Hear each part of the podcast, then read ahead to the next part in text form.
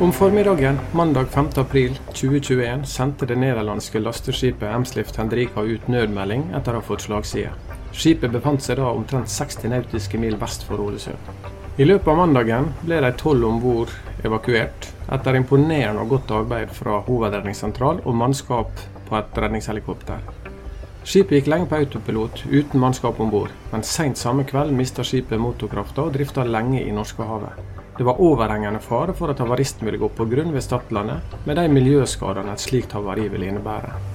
I denne utgaven av Kystpodden skal vi få høre mer om hvordan Kystverkets miljøberedskapsavdeling jobba gjennom de tre hektiske og dramatiske døgna frem til havaristen ble lagt til kai i Ålesund. Med oss har vi miljøberedskapsdirektør Hans Petter Mortensholm og kommunikasjonsrådgiver Kristin Ballentine Martinsen fra Kystverket. Mitt navn er Pål Are Lilleheim. Det er altså arbeidet som Kystverket gjør, og de tiltak og virkemidler som de har i verktøykassa, som er tema for denne utgava av Kystpodden. I lys av den aksjonen som oppstod etter at lasteskipet Emslift Henrika fikk problem. Hva som var årsak til at situasjonen oppstod, og om ting kunne vært gjort annerledes på noe som helst slags tidspunkt av noen av de involverte aktørene, det er noe som vil komme frem av undersøkelser i ettertid. Men det er kanskje greit å slå det fast først som sist. Det gikk jo bra tross alt, direktør for miljøberedskap i Kystverket, Hans Petter Mortensholm. Ja, det stemmer. Det var uh, noen hektiske dager for uh, det personellet vårt som fulgte opp hendelsen. Og, og vi, er veldig, vi, er veldig, tilfreds med at, uh, at, vi, vi inngi, at, vi, unngikk en miljøkatastrofe som fort, som fort kunne vært resultatet. Men du kan kanskje ta oss litt gjennom det som skjer i en tidlig fase i forbindelse med hendelser som dette, altså det som skjedde her. Det kommer ei nødmelding fra lasteskipet Emslift Hendrika. Hva er det som skjer hos Kystverket da?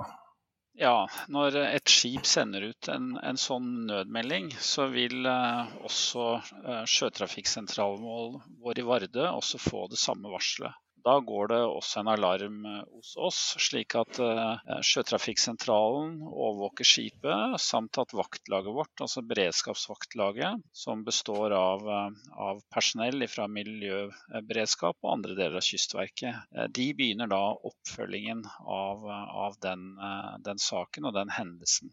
Slik at uh, samtidig som det foregår en, en redningsaksjon, så begynner vårt, vårt, beredskapsarbeid med tanke på de ulike scenarioene som kan skje med et sånt skip.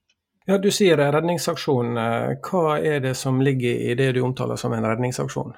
Nei, det er slik at uh, når et fartøy er i nød, og når man skal uh, evakuere besetningen, så er det en aksjon som, som ledes av, av, hovedredningssentralen, enten i sør eller nord. Og så fort siste person er tatt av et skip, så er egentlig jobben til Hovedredningssentralen ferdig. Da vil det være en overlevering av, eh, av, videre oppfølging fra HRS over til Kystverket. Da går det fra å være en hendelse som kan true liv og helse, til å bli en hendelse som kan uh, true miljøet. Uh, det er derfor vi da overtar den oppfølgingen da videre. Og så har jeg forstått det slik at det er veldig mange ulike roller knytta til berging i situasjoner som denne, eh, den vi opplevde utenfor Ålesund, der vi har det vi kaller en havarist. Eh, hvordan foregår dette, og hvem gjør hva, og eh, hvem har ansvaret for hva i de ulike fasene av en sånn situasjon? Vi har et vaktlag som er på hele tiden, slik at de, de vil, ha den initielle oppfølgingen. Men, men, dersom vi ser at dette er et arbeid som kan fort ta tid, og som eventuelt kan medføre en, en eventuelt oljevernaksjon, så, så, er det vanlig at vi overfører hendelsen over til et eget team som følger opp saken. Og det gjorde vi også her. Slik at vi hadde en seks-syv ansatte fra både beredskap i Kystverket, men også andre deler av Kystverket, som da fortsatte oppfølgingen. Deres arbeid da blir å begynne å se på hvilke ressurser er aktuelle å, sette inn, og ikke minst se på hvilke, hvilken trussel er fartøyet, og, og, og hvilken risiko utgjør det. Det kom jo ganske tydelig frem at eh, reder har et ansvar også når fartøyet ligger og eh, skvulper i 15-18 eh, meters høye bølger utenfor kysten her. Og hva er reders ansvar mens dette pågår? Ja, det, det, er helt riktig det du påpeker. Det er, det er fartøyseier som er ansvarlig for å håndtere eh, sitt eget skip. Og, og, noe av det første vi da gjorde, var å opprette kontakt og dialog med, med, med skipsreder. Så vi, informerte vi han om, om vår rolle, altså vår myndighet, og våre forventninger til, til, til han eh, som eier. Eh, Bl.a. at man da, vi forventet han skulle inngå en, en, kontrakt for å håndtere fartøyet sitt. Eh, og så blir egentlig vårt arbeid da et, et form for et, et, tilsynsarbeid med at det arbeidet som, som de gjør, er da eh, altså tilstrekkelig. Eh, men samtidig så begynte vi også da å stasjonere vår slepeberedskap, slik at vi skulle ha ressurser på plass i tilfelle da eiers altså tiltak ikke var, var nok. Ja, for i denne konkrete hendelsen som, som vi har som bakteppe i dag, så, så var jo det veldig mye aktivitet på sjøen rundt havaristen også? Ja, det stemmer. Så fort den hendelsen her skjedde, så forsøkte kystvaktskipet Njord å, å, gå ut, men ble stoppa pga. været. Og, og, deretter så gikk eh, kystvaktskipet KV Sortland fra kai i Bergen og på mandag eh, ettermiddag, og var da fremme ved havaristen på tirsdag. Eh, formiddag. Og KV Sortland er da eh, et av de fartøyene som er en del av den statlige slepeberedskapen. Og de lå da ved ved havaristen, og, og, kunne da informere oss eh, om, om tilstand og osv. Ja, det er jo ikke vanskelig å tenke seg hva som kan gå galt i situasjoner som den eh, vi opplevde i april. Eh, hva som er verstefallsscenario, er vel det begrepet man bruker da. Er det mulig å forberede seg på slikt? Ja, det, det er det jo. Altså vårt, vårt viktigste innsats har jo hele tiden vært å forebygge at fartøyet skulle gå, gå på grunn eller treffe land. Det var det som var, var vårt, vårt, primære mål hele veien. Så er det slik at eh, risikoen for, for, de menneskene som skal gjøre den jobben her, den, den er i førersetet hele veien. Slik at vi må ta en avveining om hvilken risiko skal man utsette personell for Eh, i forhold til da det å redde eventuelle miljø, altså verdier. Slik at her var det et eh, race pga. været som var den største begrensende faktoren. Eh, det var ekstremt dårlig vær når hendelsen inntraff, og det var ekstremt dårlig vær dagen etterpå. Det var egentlig først på, på onsdagen at dette været begynte å roe seg. Og på onsdag ettermiddag så, så var egentlig bølgehøyden slik at det var mulig å sette om bord personell. Scenariotenking er vel eh, ikke ukjent for Kystverket? Nei, det er helt riktig. Eh, og når det gjelder beredskapen ellers, så er det nettopp ulike eh, scenarioer som ligger til grunn for hvordan vi, vi, har bygd opp den beredskapen som vi har langs, langs, hele kysten. Ja, for det var jo ikke bare på sjøen at det var ressurser i sving. Det skjedde vel ting på land også? Ja, det stemmer.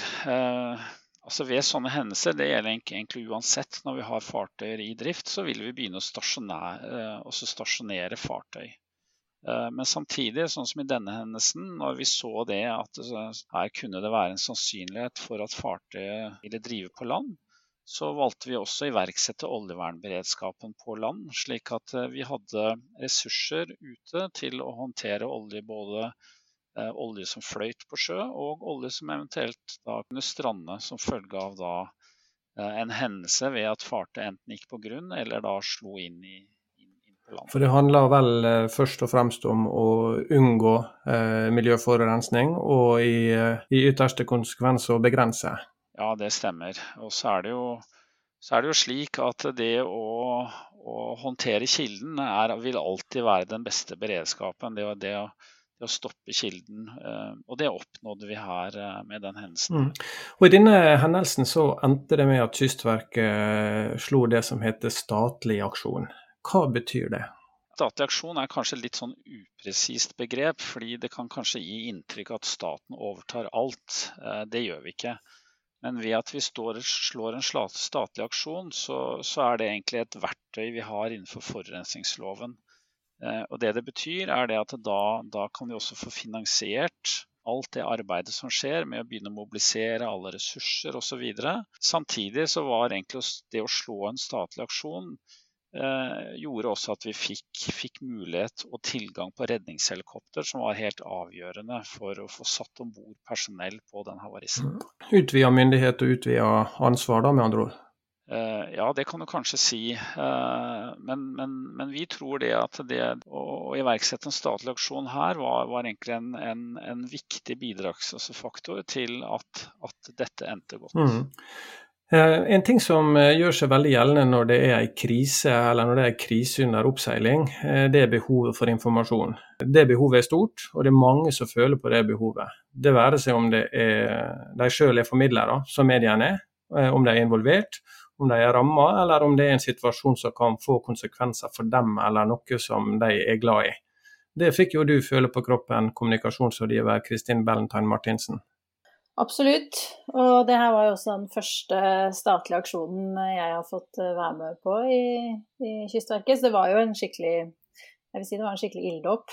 Det første døgnet det var jo prega voldsomt da altså det, var det var veldig spennende, da, hvis man kan bruke det, det uttrykket. Eh, det var jo dårlig vær. Det var mye usikkerhet knytta til når eh, bergingsmannskapet skulle få kommet om bord. Og i tillegg så var det jo masse interesse fra media. For det kom jo etter hvert ganske, ganske dramatiske bilder som sirkulerte rundt på de forskjellige nettavisene, med en spektakulær redningsaksjon av de som var om bord i skipet. Og så da dette svære skipet som krenger i 18 meter høye bølger. I tillegg til at nær sagt hvert eneste mediehus i Norge var interessert, så var det jo også en del internasjonal eh, interesse. Da. Så de ringte jo både fra USA og Australia og Storbritannia og Nederland selvfølgelig, eh, Tyskland, Danmark. Så det var et ganske intenst eh, døgn.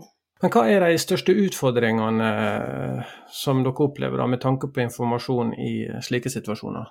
Jeg tror kanskje den største utfordringen er nettopp det at det er veldig mange som vil ha informasjon. I dette tilfellet så var det jo da særlig media, da, mye interesse fra media så ønsker jo da de forskjellige mediehusene eh, de ønsker jo sine egne vinklinger da, på saker. Når 20 mediehus ringer med litt forskjellige spørsmål, eh, så er det klart at det, det, er en utfordring å få svart ut alt det. Og så bruker jo mye Det er mange medier som bruker live-oppdateringer. Så vi kan på en måte ikke komme med oppdateringer fort nok fra oss. Og det kan jo være strekk der det ikke skjer noe nytt. Og da kan det være fristende for, eh, for journalisten å kanskje gå andre steder, da. Eh, som å hente informasjon fra noen som ikke sitter med det fulle eh, full, altså med full informasjon, eller kanskje hele bildet. Og det kan jo bli litt vanskelig for oss etterpå å måtte rydde opp i feilinformasjon, f.eks. Og eksperter er det nok av? Det er nok av eksperter, ja. Og så er det jo så er det jo sånn at det skjer langt unna, da. Eh, miljøberedskapen til eh, Kystverket er i hovedsak eh, på Østlandet. Eh, så her, den hendelsen her skjedde jo utafor Ålesund, så det er jo ikke sånn at vi sitter og ser eh, med egne øyne hva som skjer til enhver tid. Og så den gangen her så var vi jo også på hjemmekontor, de fleste av oss. Så vi satt ikke engang i samme rom, eh, vi som var i denne aksjonsgruppa. Og det er jo, kan være vanskelig å vite om du da til enhver tid sitter på siste informasjon, da. Så er det jo klart en utfordring i seg sjøl at telefonen ringer non stop når du skal prøve å jobbe med, å, med selve aksjonen også. Mm. Hvordan eh, løser Kystverket disse utfordringene, da? Når det gjelder det med å få ut informasjon uh, så fort som mulig, så bruker vi nettsidene våre. Uh, med en gang det skjer en utvikling, med en gang vi har noe ny informasjon, så legger vi det ut der. Sånn at vi kan si til de som sitter journalister som ringer, at eh, sjekk kystverket.no. Og vi så jo det at antall besøkende på kystverket.no ble sånn 10-15 ganger av hva det pleier å være, da. Så det fungerte. Og så bruker vi i tillegg Twitter, med, der kommer alle oppdateringene, Også Facebook med sånn jevne mellomrom med litt filmer når vi får inn det og sånne ting, da. Uh, og det ser vi jo at å bruke de kanalene her, det letter litt på trykket når det gjelder journalisthenvendelser. Det blir litt færre telefoner. Ikke, det stopper ikke opp, men det blir litt færre. Og så det her med at ikke vi sitter så tett på hverandre, så er det jo noen i aksjonsgruppa som har direkte kontakt med f.eks. kystvaktskip da, som ligger ute ved hendelsen. Sånn som i det tilfellet her så var det jo KV Sortland som, som uh, lå ute og observerte hva som foregikk. Så vi hadde jo direkte kontakt med de, og ved hjelp av teknologi og gode rutiner og sånne ting også, så var det en veldig god informasjonsflyt. så vi fikk, vi fikk heldigvis siste nytt ganske kjapt. Men hvis man ser på dette her med krisekommunikasjon, som det heter, hva, hva er dine anbefalinger og tanker rundt god krisekommunikasjon? Nei, jeg tenker at For det første så er det viktig å ha en plan. Og det kommer jo an på hendelsen og hvor stor og hva som skjer. Og, men altså, hvilke kanaler skal vi bruke for å få informasjon ut? Hvordan skal, vi, hvordan skal vi få tak i informasjonen? Hvem skal snakke med mediene? Det er en viktig ting å bestemme seg for på forhånd. Uh, og hvis man har en plan i bunn, så er det ofte mye lettere å holde hodet kaldt, da. For det, det stormer jo fort litt. Så er det viktig å være åpne, tilgjengelige, ikke, ikke skjul informasjon du har, gå ut med det du har. Og, og, svar journalistene så godt det lar seg gjøre. De kan gjerne vente litt, men svar ut de som ringer. Arranger gjerne en pressekonferanse om det er nødvendig. Digital ville det jo blitt nå, da, hvis det hadde måttet skje. Men prøv, hvis det er nødvendig, så arranger en pressekonferanse. Så tenker jeg at det er viktig å ikke spekulere. Så hvis du ikke vet hva som har skjedd, så, så ikke si det du tror. Vi fikk jo litt sånn spørsmål hvorfor Hvorfor har dette skjedd? Og der og da så, så, visste vi ikke det, og da kan ikke vi begynne å spekulere i det. For det kan jo gå litt fort i svingene, så det er viktig at den informasjonen som kommer ut, er korrekt. Da. Eh, så er det viktig å være strategisk i utformingen av budskapet. Det høres kanskje litt kynisk ut, men eh, tenk gjerne de tre H-ene. Hjerte, hode, hender. Altså som Hans Petter sa, det viktigste er liv og helse. Det er alltid det viktigste i enhver situasjon. Så vi må vise at det, de som er involvert, det er de som, som, vi tenker på først og fremst. Vi, vi, må vise forståelse og medfølelse da, med de som er berørt. Og så hender. Vi må vise at vi setter i gang tiltak. Og hodet, vi må forklare på en rasjonell og ordentlig måte hva det faktisk er som foregår. Så de tre kan være greie å ha i bunn, da. Og så et siste punkt det er ikke glem å informere internt. Det er eh, Henvis gjerne til artikler og, og oppdateringer som, som, ligger eksternt, men eh, en liten sak på, på intranett, det, det, er veldig lurt for å ivareta interessene til de som jobber, jobber i selskapet, da. Ja, det endte jo altså godt i aksjonen eh, med Emslift Hendrika. Og den definasjonen er jo tufta på at det ikke fikk fatale konsekvenser med tanke på liv og helse, og at det ikke fikk konsekvenser med tanke på utslipp og tilgrising av miljøet. Men i etterkant av, aksjon, av en aksjon og hendelse som dette, hva er det som skjer videre, Hans Petter Mortensson? Ja, nei, altså Arbeidet vårt er ikke ferdig. Eh, vi skal jo begynne eh, evalueringsarbeid hvor vi skal både se på hva er det vi kan lære av det her internt, som gjør at vi er bedre rusta, eh, men også eksternt. Samtidig så vil jeg jo for så vidt påpeke at vi det er, det, det er, jo det, sjømannskapet som blir utvist der ute, som er årsaken til at det her også gikk bra. Eh, slik at vi vil se på forhold ved, ved, den sjøgående beredskapen som vi kan bli bedre på. Og så vil vi se på hvordan vi organiserer oss internt, slik at vi kan eh, både se på ting som gikk bra, men ikke minst se på ulike forbedringsområder som vi, har, eh, som vi kan bruke videre som følge av den hendelsen her. Mm. Det er mange meninger om hvordan slike situasjoner og hendelser skal håndteres. og Kystverket har vitterlig fått kritikk også i kjølvannet av denne hendelsen. Hva tenker dere om den typen kritikk, og eh, hvordan håndteres den internt? Nei, altså det er, ikke, det er, jo ikke unormalt at, at noen har andre meninger. Eh, Samtidig så tror jeg også det er et resultat at kanskje ikke alle har full, full oversikt over alle de faktorene som, som var, eh, var, til stede og som påvirka aksjonen. Eh, men selvfølgelig, vi, vi, er også opptatt av å bli bedre. Slik at vi vil jo se på de synspunktene og se om det er noe hold i der som, som gjør at vi kan, kan bli bedre eh, hvis vi står i en, i en, i en samme type hendelse ved en en senere anledning. Det er jo også interessant å høre litt om hvordan Kystverket jobber i fredstid. Det er vel ikke sånn at dere nå sitter og venter på neste hendelse? Nei, det stemmer. Eh, vi, vi er jo en beredskapsetat også, som håndterer egentlig daglige hendelser, både små og, og av og til store, sånn som den her. Slik at, eh, men ikke minst, vi, det er viktig, øvingsaktiviteten vår er viktig, både på sjø og på land. Og, og, vi har eh, et beredskapsvaktlag, vi har eh, overvåking, altså vi har sjøtrafikk, altså sentralene som er viktig, og vi har slepeberedskapen som nå eh, utføres operativt av, av Kystvakten. Og, som vi også mener var helt avgjørende for at dette gikk bra. Med ei kystlinje som inklusive fjorder, viker og øyer er nærmere 101 000 km lang, og som har gått over 400 000 skipsbevegelser i året inn, ut og langs kysten, så er det godt å vite at det er mange aktører som samarbeider godt, og at det er en godt etablert og svært kyndig beredskap som er klar til å gripe inn dersom uhellet er ute, eller dersom situasjoner oppstår der et uhell er under oppseiling. Og ikke minst at den betydelige og viktige skipstrafikken overvåkes og veiledes fortløpende, døgnet rundt året rundt. Da sier vi takk til direktør for miljøberedskap Hans Petter Mortensholm og kommunikasjonsrådgiver Kristin Valentine Martinsen i Kystverket.